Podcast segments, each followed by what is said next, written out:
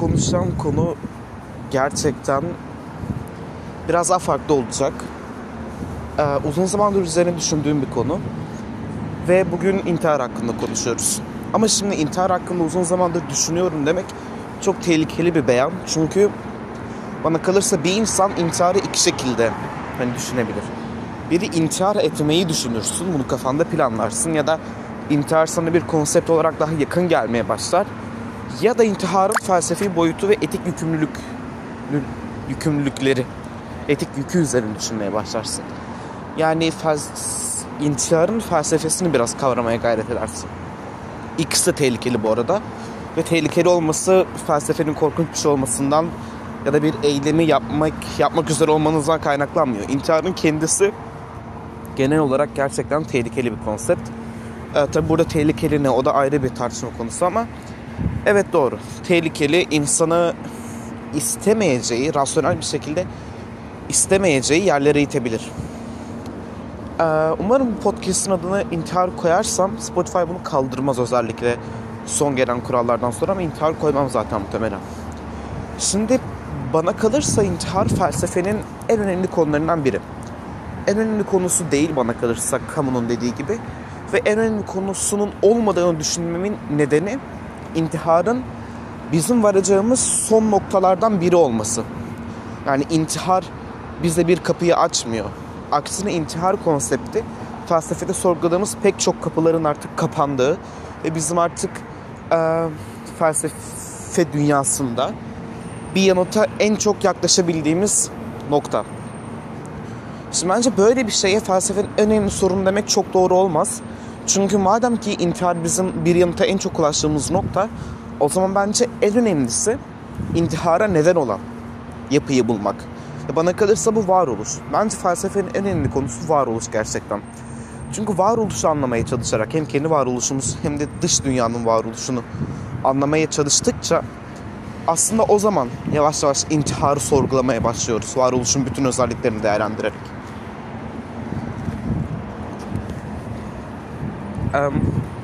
Şimdi kamunun neden biraz intihar felsefenin en önemli sorusudur dediğini açıklamaya gayret edeceğim elimden geldiğince. Şimdi bu konu bence felsefede kavranması en zor konu. Daha zor bir şey yok gerçekten. Yani çok zor felsefe teorilerini kavrayabilirsiniz. Felsefi görüşleri kavrayabilirsiniz. Hegel'in Hegel'in tarih felsefesini kavrayabilirsiniz ama bunu kavramak okumaktan biraz daha fazlasını istiyor bana kalırsa. Gerçek bir fark ediş, bir um, farklı bir yorum becerisi istiyor bana kalırsa ve kazanılmayacak bir şey değil ama çok düşünmek lazım üzerine ve çok düşünmenin de insana açabileceği olası zararlarından da bahsedeceğim. Kamunun intihar felsefenin en önemli sorusudur demesinin nedeni varoluşun özünde çok anlamsız bir şey olması. Çok absürt bir şey olması. Aslında bir noktada absürdizme de kayıyoruz burada yani. Çünkü gerçekten bakıyorsunuz dünyaya, çayıra, çimene, okula, arkadaşlarınıza, sevdiklerinize, sevgilinize bakıyorsunuz.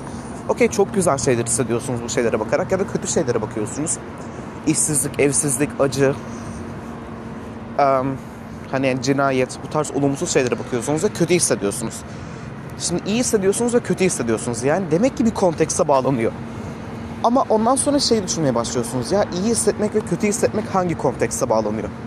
Hangi bağlama bağlanıyor? Bunların hiçbir bağlama bağlanmadığını görüyorsunuz. Çünkü dünya özünde gerçekten çok absürt bir yer. Yani kim iyi bir şeye bakıp da şey dedi. Hmm, bu iyidir. O zaman bu iyi olmaya devam etsin. Kimse böyle bir şey demedi. Yani çünkü özünde varlık, varlıkların özü bağlamdan çok muaf. Hiçbir yere bağlayamıyoruz. Yani ne anlamı var o zaman iyi hissetmenin? Kötü hissetmenin ne anlamı var? Mücadele etmenin ne anlamı var? Okula gitmenin ne anlamı var? Yani bakacak olursanız eğer ki bir tanrıya inanmıyorsanız ve ölümden sonraki hayata da inanmıyorsanız e, bu dünyada yaptıklarınız hiçbir şey, yaptığınız hiçbir şey öldükten sonra yanınıza kar kalmayacak. Ve ölene kadar hissettikleriniz de üzerine biraz daha düşünmeye başladıktan sonra hiçbir yere bağlanmadığını göreceksiniz. Mesela ben şu anda bunun üzerine hani düşünmüş bir insan olarak şey diyebiliyorum. Ya ben okula gidiyorum. işim var. Arkadaşlarım var. Ailem var. Ee, ama bunların anlamı ne? Yani bunlar bana en nihayetinde geldiğim en son noktada somut bir fayda getirmiyor. Hele ki bir de mutlu değilseniz bunlarla. E bu noktada bakacak olursanız gerçekten her şey muazzam absürt. Yani gerçekten birisi size bir şaka yapmak istemiş gibi hani yani dünya diye bir şey kurmuş ortaya. Ve bu dünyanın yani şey yazmış hani yani dünya demiş iki nokta üst üste demiş ve hiçbir şey dememiş ondan sonra. Ve sizi de bu anlamsız ve tanımsız olan dünyanın içine atmış ve demiş ki bak sen yalnız değilsin senin gibi bir sürü canlı var. Bak onlar da bu dünyada yaşıyor ama sen ızdırap çek diye ben sana bir de zihin ekleyeceğim demiş sanki bir şaka olarak. Yani eğer ki bir at sineği olsaydım ben ya da siz bir at sineği olsaydınız hiçbir zaman için şey sorgulamayacaktınız. Ya dünya da çok anlamsız ben de varlığımı gerçekten açıklayamıyorum, varoluşu açıklayamıyorum gibi bir şey sormayacaktınız. Çünkü var olduğumuzun bilincinde olmayacaktınız. Hiçbir zaman için durup şey demeyecektiniz. Ben bir at sineğiyim demeyecektiniz. Ya gerçekten şaka gibi yani. Yine diyorum biri sizi böyle tanımsız, saçma sapan bir dünyaya atmış ve bunun altını hiçbir şekilde hani doldurmamış. Bu arada şu anda tanrı eleştirisi yapmıyorum. Gerçekten bu analiz yapmaya gayret ediyorum sadece. Bir de sizi bundan ızdırap duyun diye bir de size zihin atamış ki. Siz bunu sorgulayın. Sorguladığınızda da hiçbir yere varamayın. Hiçbir yere varamayınca da delirmenin ya da intiharın eşiğine gelin. İşte intihar bu yüzden felsefenin en önemli sorunlarından biri. Ama en önemlisi değil. Çünkü intihara yol açan şey az önce sorguladık zaten varoluşu sorgulamak, intiharı sorgulamak değil. Ha tabi bu arada yani intihara neden olan tek şey varoluş sorgulamak değil yani işte çok farklı sebepleri olabilir. Ee, yüz kızartıcı suçlar, ağır travma, depresyon ve çok çok çok farklı nedenleri olabilir ama benim baktığım biraz daha felsefi bir boyut burada. Yani felsefi bir konsept dışında intiharı değerlendirecek olursak intihar yol açan şey varoluş krizidir. Varoluşsal krizdir ve varoluşu sorgulamak, varoluşa yüzleşmektir. Hem kendi varoluşumuzla hem de dış dünyanın varoluşuyla. Ee, şimdi bu noktada gelecek olursak şöyle bir raddeye varıyoruz. Yani gerçekten bu dünyanın hiçbir subteksti yoksa ve hiçbir konteksti de yoksa bu durumda beni bu dünyada aldığım her nefes benim için bir efordan başka bir şey değil. Şimdi bana kalırsa dünyada anlamlı olan, kendi özünde anlamlı olan yani Sartre şey der ya varlık özden önce gelir. Ki varoluşçuluğun en temel şeyidir. Bana kalırsa varlığın özden önce gelmediği, özün varlıkla birlikte eş zaman olarak geldiği iki tane konsept var dünyada. Bunlardan biri mutluluk, biri de acı. Burada mutluluktan kastım şey değil. İşte hani çok güzel bir kokteyl içinizde aldığınız zevk değil. Gerçekten bir tam doygunluk hali insan için. Yani insanın kendi gerçekleştirme safhasından bahsediyorum. Keza acı içinde işte ne bileyim hani bir elinize iğne batırdığında ya da bir sevdiğiniz öldüğünde çektiğiniz acı değil. Varoluştan devşirdiğiniz um, negatiflik. Yani işte pesimizmin hani işte doğurduğu en temel öge gibi de değerlendirilebilir. Hani ise mutluluk ve acı. Şimdi bu, bu duruma bakacak olursanız gerçekten aldığınız her nefes boş bir efor ve bu boş bir eforun hiçbir yere bağlanmadığını görüyorsunuz. Çünkü binlerce defa açıkladığım gibi hiçbir bağlam olmayan bir dünyada yaşıyorsunuz. E, hiçbir bağlanmadığını gördüğünüzde bu sizde bu size varoluşsal bir acı devşirtiyor. E bu acıyı çekmenizin hiçbir nedeni yok. Yani şey gibi düşünün. Ee, işte ben bir işte çalışıyorum, işimden nefret ediyorum ve istediğim her an bu işimden ayrılabilirim. İşim bana asgari ücretten bile daha az ödüyor. Hatta hiç ödemiyor. Ama benim hala istifa etme şansım var. İşte intihar felsefedeki istifa etme şansı olarak değerlendirilebilir burada. Dediğim gibi çok tehlikeli bir konsept ama bunu biraz daha açıklayacağım merak etmeyin. Yani burada bırakıp aşırı nihilist bir perspektifte işte noktayı koymayacağım. Çünkü şu an anlattığım şey nihilizm. Tam olarak bu yani.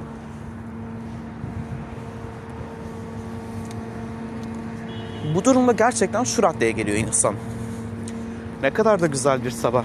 Kendime bir bardak çay mı doldursam yoksa kendim mi assam? Ee, bu arada kamunun hiçbir zaman için şey dediğini bilmiyoruz. Kendimi mi öldürsem yoksa kahve mi içsem dediğini bilmiyoruz. Ama bir Rus yazar vardı adını unuttum o gerçekten bunu söylüyordu işte. Ne kadar güzel bir sabah. Kendime çay mı doldursam yoksa kendimi mi assam? Bakacak olursanız gerçekten öyle. Çünkü bir raddede gelecek olursanız nihilist bir perspektifte kendinizi öldürmenizin çok fazla rasyonel sebebi var gerçekten. Acı devşiriyorsunuz. Daha ötesi olabilir mi?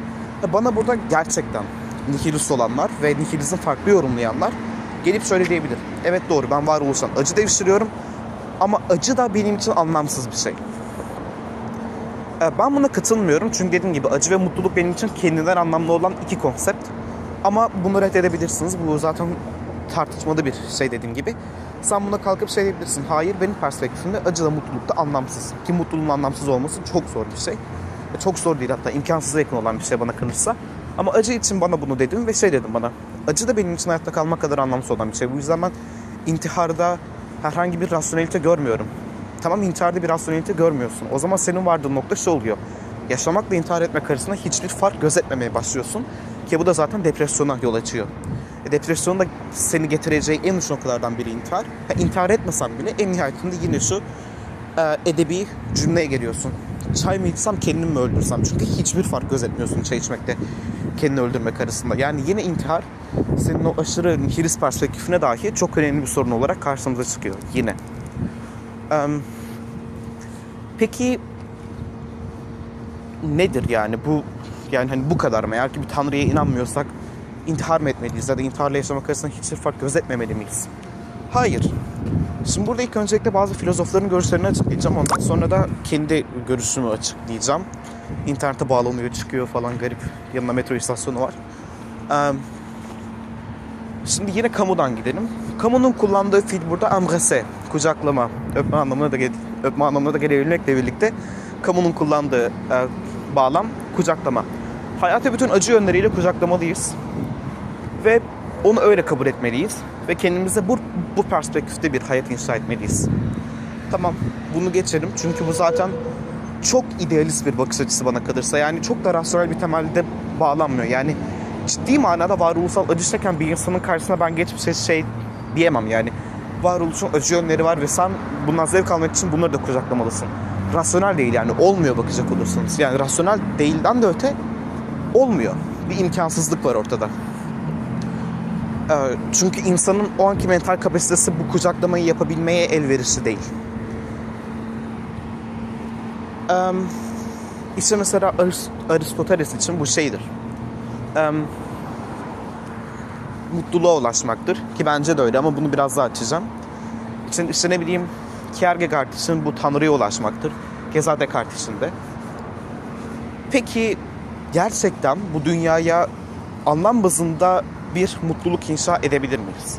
Bana kalırsa hayır. Çünkü mutluluk bazında bir anlam inşa edebiliriz. Tam tersi yani. Buradan demek istediğim şey şu. Hani en başta dedim ya mutluluk insan için kendisi amaç olan tek şeydir diye. Tek konsepttir diye.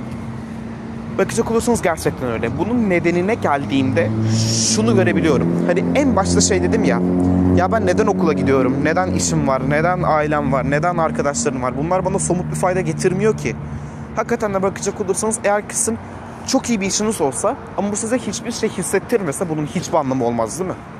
Ya da çok iyi bir okula gitseniz, çok iyi em, hani yani şey notlar alsanız ya da çok iyi bir sevgiliniz olsa, evlenseniz, muazzam mutlu olsanız ama bu pardon muazzam mutlu olsanız değil. Evlenseniz çok güzel bir aile hayatınız olsa ama bu sizi mutlu etmese ya da bu size hiçbir şey hissettirmese hiçbir anlamı olmaz değil mi? Yani elde etmek istediğimiz her kazanım ister istemez bir üst basamağa ulaşma amacı taşıyor. Mesela ben saygı duyulmak istiyorum. Mesela farz misal. Neden saygı duyulmak istiyorum? Bunların hepsinin bir sebebi oluyor. Yani ulaşmak istediği bir üst nokta oluyor. Ve bu yüzden kendi başlarına anlamlı değiller ulaşmak istedikleri bir üst noktayla birlikte anlam kazanıyorlar. Ulaşmak istedikleri üst noktada onun üzerindeki noktayla anlam kazanıyor. E bu böyle. Hani merdiven gibi çıkıyor ve en nihayetine geldiğimiz noktada mutluluğa ulaşıyoruz ve en nihayetine şey diyoruz. Okey demek ki ben her şeyi mutlu olmak için yapıyorum.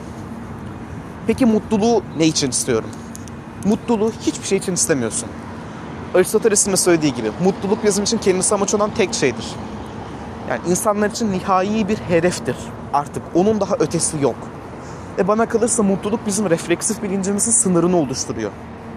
Refleksif bilinçten kastım da bizim var olduğumuzu bize var olduğumuzu fark ettiren bilinç yapısı. Hayvanlardan bizi ayıran şey aslında bakacak olursanız. Yani bakacak olursanız evet doğru gerçekten mutluluk kendisi amaç olduğu için herhangi bir anlam perspektif herhangi bir ekstradan eklenmiş anlam perspektifine dahi ihtiyaç duymadan kendi başına anlam kazanabiliyor. Ve insanlar da bu nedenden ötürü kendi hayatlarını bu perspektifte inşa edebilirler. Ama yine geliyorum. Bunu yapmak çok tehlikeli ve çok zor bir şey. Neden? Çünkü bir insanın mutluluğun nihai amaç olduğunu kabul edebilmesi için ve varoluşunu mutluluk bazında şekillendirebileceğini fark edebilmesi için ilk öncelikle varoluşunu fark etmesi lazım. Yani durup şey demesi lazım. Mesela bu hangi şekilde oluyor? İnsanı bu, bu fark edişe ne ittiriyor gerçekten bilmiyorum. Ama e, hani yani bir raddede durup şey demesi lazım insanın. Ya da hani yani diyor bazı insanlar. Ya da hani demiyor keza. Ya ben varım. Ben Can Tutkun'un ildes olarak bu gözlerin arkasından bakıyorum. Dünyayı algılıyorum. Dünyayı tecrübe ediyorum. Dünyayı deneyimliyorum. Ve bundan eksi ya da artı artı bir sonuç çıkartıyorum. Ve bu sonuç beni direkt olarak etkiliyor. Çok uzattım. Çok kısa bir perspektifte şunu söylememiz lazım yalnızca. Ya ben varım. Bunu fark ettikten sonra hani yani bulantıda da söylendiği gibi çok daha temel bir sorgulamaya geliyoruz. O da varoluşa yüzleşmek. Yani varoluşumuzu ve varoluşlarını sorgulamak. Hem kendimizin hem de dış dünyanın. Çünkü var olduğunuzu fark ettikten sonra ister istemez. Zaten artık o radden sonra iş işten geçmiş demektir. Yapacağınız ilk şey şu olacaktır. Hani bilinçsiz bir şekilde. Ne anlamı var ki? Varoluşumun maksadı ne? Varoluşumun amacı ne? Hayatımın anlamı ne? Hayatın anlamı korkunç varoluşu bir sorudur bu arada. Hayatın anlamı nedir sorusu. Ee, ve en nihayetine geldiğimiz noktada evet doğru gerçekten şuraya hani geliyorsunuz. Hiçbir anlamı yok. Buraya geldiğinizde aslında bu sorgulamanın en tehlikeli noktasında hani duruyorsunuz. Çünkü nihilizme kayarsanız intihar edersiniz ya da intiharla hayat arasında hiçbir fark gözetmeyen bir hale gelirsiniz. Ve bu da gerçekten çok tercih edilebilir değil yani sağduyuya dayanıyor zaten bu argüman. Ya da biraz daha sorgulamaya başlayıp şeyi fark edersiniz. Mutluluk benim için kendisi amaç olan tek şey ve benim için nihai bir amaç ve bu dünya ve bu anlamsız dünyada kendinden anlam sahibi olan ya iki şeyden biri ya da tek şey. Çünkü acı konusunda hala benim de kafam karışık. Ya o da kendinden anlamlı ya da yani biz de ona bir şekilde anlam atfederek toplum toplum olarak onu hani yani bir şekilde mutlulukla eş bir kıvamda tutuyoruz. O konuda benim de kafam hala karışık. Biraz biraz daha fazla okumam ve düşünmem lazım. Ya da yazmam lazım bilmiyorum. Bunu yaptınız. Ama hala iş işten geçmiş değil. Yani halen atlatmış değilsiniz. Çünkü o zaman da şuraya geliyorsunuz. Bu çok zor bir şey. Bu çok zor bir şey. Çünkü sizin neyin mutlu edeceğini bulmak, sizin neyin varoluşun ızdırabından kurtaracağını bulmak muazzam bir mental yük. Gerçekten sizi mental olarak her perişan edecek olan bir şey. Depresyonlara girip çıkabilirsiniz. İntiharın eşiğine gelebilirsiniz. Bunun çok zor bir yük, yük olduğunu. Hani yani bulup ve bu sorgulamayı yaparken emin olun ki çektiğiniz varoluşsal yük normalde çektiğiniz varoluşsal yük ve acıdan çok daha fazla olacak. Çünkü artık bir şeyleri fark etmiş bir haldesiniz. Ve en nihayetine geldiğiniz noktada ya bunun fark edip ya bunun e, verilmeye değmeyen bir efor olduğunu olduğuna kanat getirir. Yine en başta değindiğimiz nokta olan intihara gelirsiniz. Yani bütün o prosese tekrardan başlarsınız. Ya da şey dersiniz. Ben hayatımı inşa edebildim. Anlamsız olan dünya kendi başına bir ızdırap kaynağı. Lakin benim refleksif bilincim olduğu için. Ben bir kendi için şey olduğum için. Bu dünyaya, bu dünyanın boş ahşap zeminine istediğim her anlamı atfedebilirim. Ve bu anlamları da beni en mutlu edecek şekilde atfetmeliyim diyebilirsiniz. Ee, evet öyle. Çok çok iyi açıkladım gerçekten. Kendime gurur duyuyorum şu anda. Yani dediğim gibi intihar önemli bir sorun ve insanın gerçekten sınır noktasını oluşturuyor bir noktada ve intihardan kaçmanın tek yolu varoluşsal sorgulamayı yaptıktan sonra bana kalırsa gerçekten ya bir tanrıya inanmak ki o da gerçekten insanın içinden gelmesi gereken bir şey. Hani yani bu sorgulamayı yaptıktan sonra insan kendini zorla tanrıya inandır Tabidir de çok da olası değil bana kalırsa. Ya da şey yapması lazım gerçekten. Benim hayatımın bağlanacağı en son nokta ne? Bence bu insanların %100'ü için mutluluk ve bence bu çürütülmesi çok zor olan bir argüman. Ama en nihayetinde atıyorum mesela felsefe çok zaten taraflı bir konsept öyle değil mi? Siz kendinize mutluluk haricinde başka bir nihai amaç atfedersiniz. Ki benim argümanım yine o nihai amacın da mutluluğa bağlanacağı olur. Ama yine de hani buraya değmiyorum şu anda. Onu atfedersiniz ve onun perspektifinde bir hayat inşa edersiniz kendinize. Onun çevresinde bir hayat inşa edersiniz. E, Bence bu da zaten gayet, gayet şey olur. e, mantıklı. Ve sizin perspektifinizde size çok anlam ifade eden bir şey olur ve bence bunda hiçbir sıkıntı yok. Ve zaten ben kim ki bunda bir sıkıntı göreceğim de hasbel kadar bir şeyler anlatmaya gayret ettim. Umarım sevmişsinizdir. Kendinize iyi bakın. Hoşçakalın.